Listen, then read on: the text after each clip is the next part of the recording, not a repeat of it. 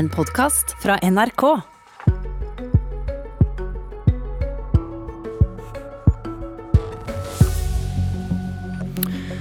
Det kan se ut som om korona har gjort all makt i denne sal til en tom frase. Hold ølen min, sa Stortinget på tirsdag. Salen flekset muskler, regjeringen ble overkjørt og noen ølkraner blir åpnet i kveld. Stortinget kan ikke gjøre vedtak og, og tro at det ikke har konsekvenser. Bent Høie snakker her om smittevern, men har Stortingets bruk av makt noen andre konsekvenser også? Hvem har ansvaret for politikken flertallet tvinger igjennom? Velkommen til Politisk kvarter. Poenget er at det er ikke sånn at det er regjeringen i Norge som har monopol på politisk skjønn. Politisk skjønn er det også opp til Stortinget å utøve. Men det er jo ingen her som har planer om å la det gå inflasjon i å overprøve de vedtak regjeringen Men Det har dere gjort allerede. Nei, dere har allerede gjort det nå for første gang, og det skaper en presedens. Det er meget det. alvorlig, og det er et grenseskille. Lege Mats Gilbert i debatt med Frp-leder Siv Jensen i debatten her på NRK i går kveld.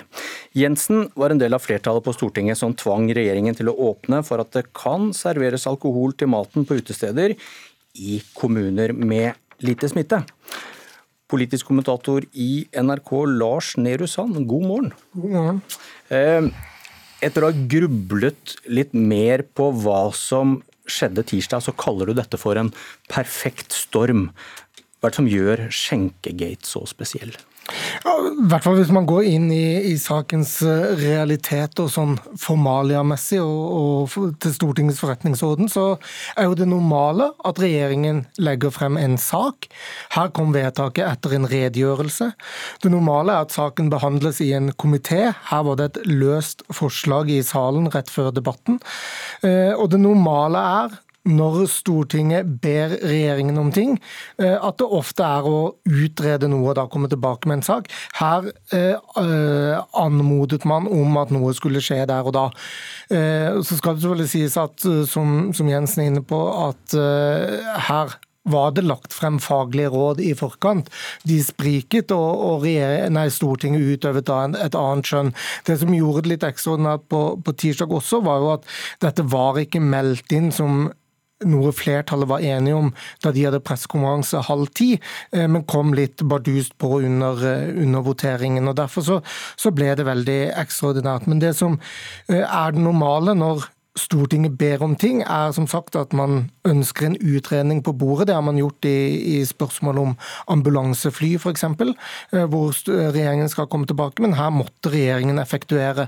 Og Det som jo skjedde, var at man så både på statsrådens reaksjon og eh, Stortingets reaksjon på statsrådens reaksjon, at her var eh, ting eh, skjedd litt utenfor det normale. Samtidig så skrev du tidligere denne uken at en mindretallsregjering må regne med å gå på nederlag i en og annen sak.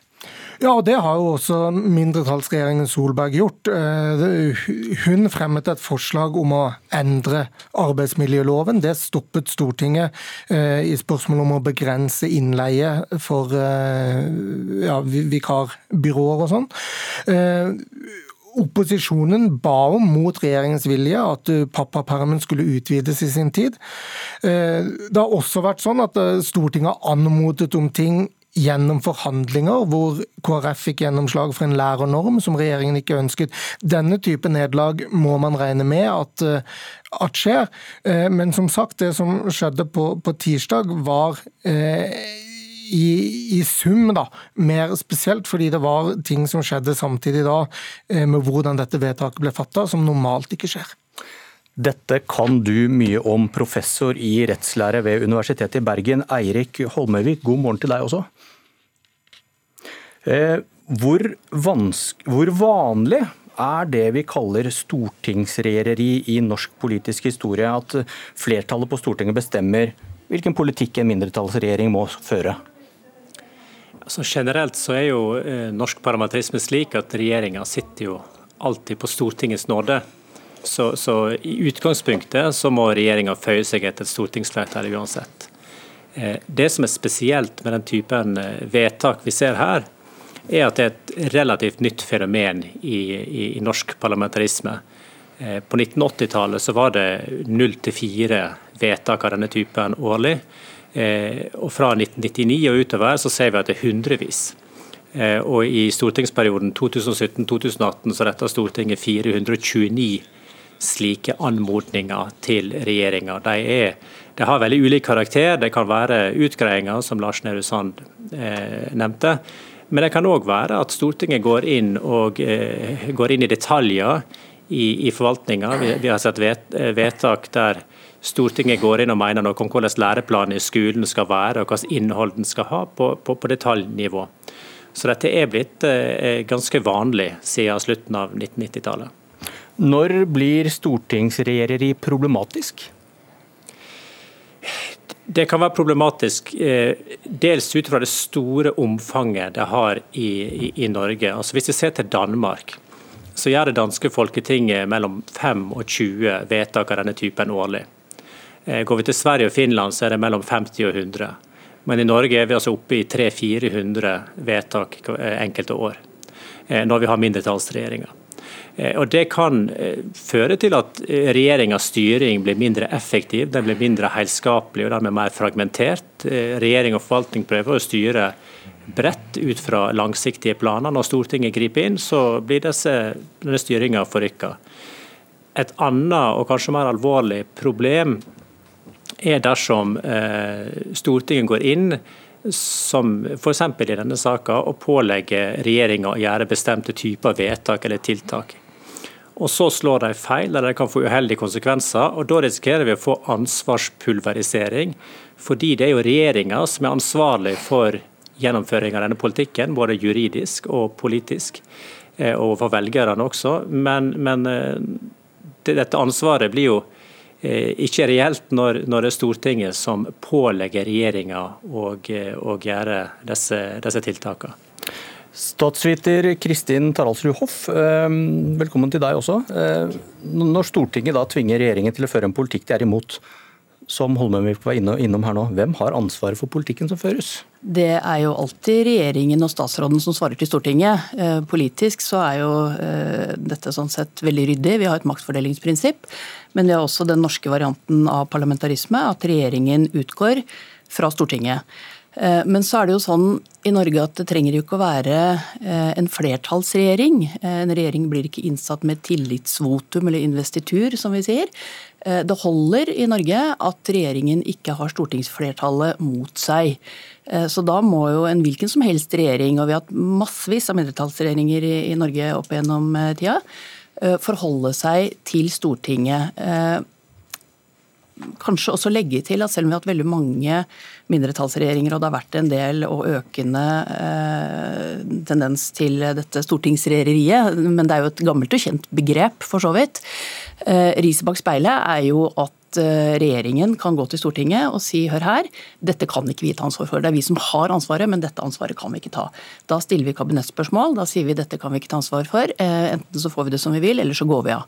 Eh, og da må jo, da må jo Stortinget ta ansvaret med da å ha et alternativ. sånn at det er jo en slags balanse i dette, en, en, en maktbalanse, eller terrorbalanse om man vil, mellom Stortinget og regjeringen i hvor langt man skal trekke det i å overkjøre regjeringen fordi man pålegger dem et ansvar eh, de ikke nødvendigvis er villige til å ta. Lars Nehru Sand, eh, hvordan vurderer du det? Er det problematisk? Når det går på kvalitet på vedtak og, og anledning til å ta helhetlige politiske beslutninger, og eh, også i et økonomisk perspektiv, så, så kan det bli det hvis det øker i omfang og, og en regjering må gjøre mye den er Eh, mot, eller mye den ikke kan stå inne for. Sett med stortingsøyne så er det jo også eh, potensielt problematisk at det ikke nødvendigvis er gitt hvordan en regjering rapporterer tilbake på dette. Og Derfor har man i 1999 bestemt at regjeringen skal levere en egen stortingsmelding hvor man går gjennom alle anmodningsvedtak. Og Det man så dette året hvor dette var på topp, som Holmøyvik sa, med over 400 anmodningsvedtak, så er det nesten 200 av de hvor eh, regjeringen ikke har klart å, å melde tilbake til Stortinget på egnet måte. Det normale er at man da sier i statsbudsjettet, som er den store helhetlige tilbakemeldingen til Stortinget, hvordan det går med alle vedtak Stortinget har fatta, derunder disse anmodningsvedtakene. Hvis en regjering ikke klarer det av ulike eh, områder, så vanskeliggjør det også Stortingets kontroll og funksjon, og evnen til å følge med på om disse vedtakene blir fulgt opp, slik Stortinget eh, jo har grunn til å tro når de vedtar det. Ok, men hva, hva, tenker dere da om vaksineringen som er i gang? Hvis Stortinget vil gå inn og f.eks. endre prioriteringene av hvem som får først, og hvem som får sist. Kan gå til Bergen først, Holmøyvik. Ja, altså akkurat på smittevernfeltet og denne krisehåndteringa i forbindelse med pandemien, så er det viktig å huske på at her har regjeringa ekstraordinære fullmakter til å gripe inn i våre liv og til å sette i verk tiltak med enorme konsekvenser for eh, økonomien. Og Her er det slik at Den vurderinga smittevernlova eh, krever, er ikke en ren medisinsk-faglig vurdering. Eh, I, slike tilfeller som en òg gjør, en må balansere de medisinsk-faglige folkehelsevurderingene opp mot økonomiske og sosiale konsekvenser. Og Det er jo grunnleggende sett en politisk vurdering, det krever politisk skjønn. Så, så, på det feltet hadde jo Siv Jensen helt rett eh, i, i, av, eh, i innslaget i begynnelsen, der hun sa at også Stortinget kan utøve skjønn. Og Det er iallfall generelt sett viktig at Stortinget fører kontroll med den ekstraordinære makta regjeringa har på smittevernfeltet. Så må jeg legge til at det er klart at når det gjelder prioritering av vaksinering osv., så, videre, så er jo det eh, lagt inn i et program administrert av Folkehelseinstituttet. Eh, og der det er, det er, viktig at det er forutsigbare kriterier og, og likebehandling, og at det er faglig forsvarlig. Så uansett om Dersom Stortinget blander seg inn, så må de sørge for at det er faglig forsvarlig, det en gjør. Hva tenker statsviteren? Eh, all makt i denne sal, Stortinget kan gjøre som det vil. Samtidig har vi da maktfordelingsprinsippet. Er det, er det en motsetning der? Ja og nei. altså Det er en motsetning i det at i maktfordelingsprinsippet sier at vi har tre. Eh, vi har domstolene, Stortinget og regjeringen. ikke sant? Utøvende, lovgivende og dømmende makt. Eh, som sånn sett er likestilte. Men det er klart, eh, Stortinget som gir lover og som statsrådene svarer til, er på en måte liksom på toppen av det systemet likevel. Jeg tror eh, jeg heller vil svare med å peke på den norske politiske kulturen. Eh, som jeg sa i stad, Vi har hatt eh, veldig mange mindretallsregjeringer opp igjennom. Internasjonalt så er jo det mer sånn oppsiktsvekkende for Norge at man har hatt mindretallsregjeringer og stabil styring av landet, i motsetning til, andre land som har hatt mindretallsregjeringer. Og Det hører jo også da med at fordi man må forholde seg til eh, til dels varierende flertall i Stortinget, og ikke faste flertall bak seg. Så er man også nødt til å konferere Stortinget. og Vi eh, har jo i Norge en konsensuspreget kultur, altså at man snakker sammen og, og finner enighet. Eh, kan også, peke på altså Under flertallsregjeringen, altså Stoltenberg II, eh, så var jo eh, Jens Stoltenberg kritisert for det. altså Ha for lite kontakt med Stortinget fordi han i gåseøynene ikke var nødt til det. altså Han hadde et fast flertall bak seg. Så noe av dette kan kanskje også leses som en respons fra Stortinget om sånn ikke glem oss, vi er, vi er, med på dette. Eh, og at eh, man bygger politisk eh, god kultur ved å pleie jevnlig kontakt og hva skal man si, finne kompromisser også med Stortinget. Lars Nehru Sand, kommer dette til å fortsette nå, tror du? Stortingsregjereriet utover våren? Man vil nok merke en annen temperatur, rett og slett fordi det er et uh, valgår, og selvfølgelig også fordi denne kriseforståelsen rundt pandemien er spesielt en veldig lang akuttfase i, i hele pandemihåndteringen, som, som, gjør noe med hele den politiske stemningen. Men jeg tror eh, det som skjedde på tirsdag, er et, eh, et, et stort unntak fra, fra, hvordan Stortinget både kan og ønsker å, å opptre. Hva betyr målingene? For hvordan partiene opptrer her?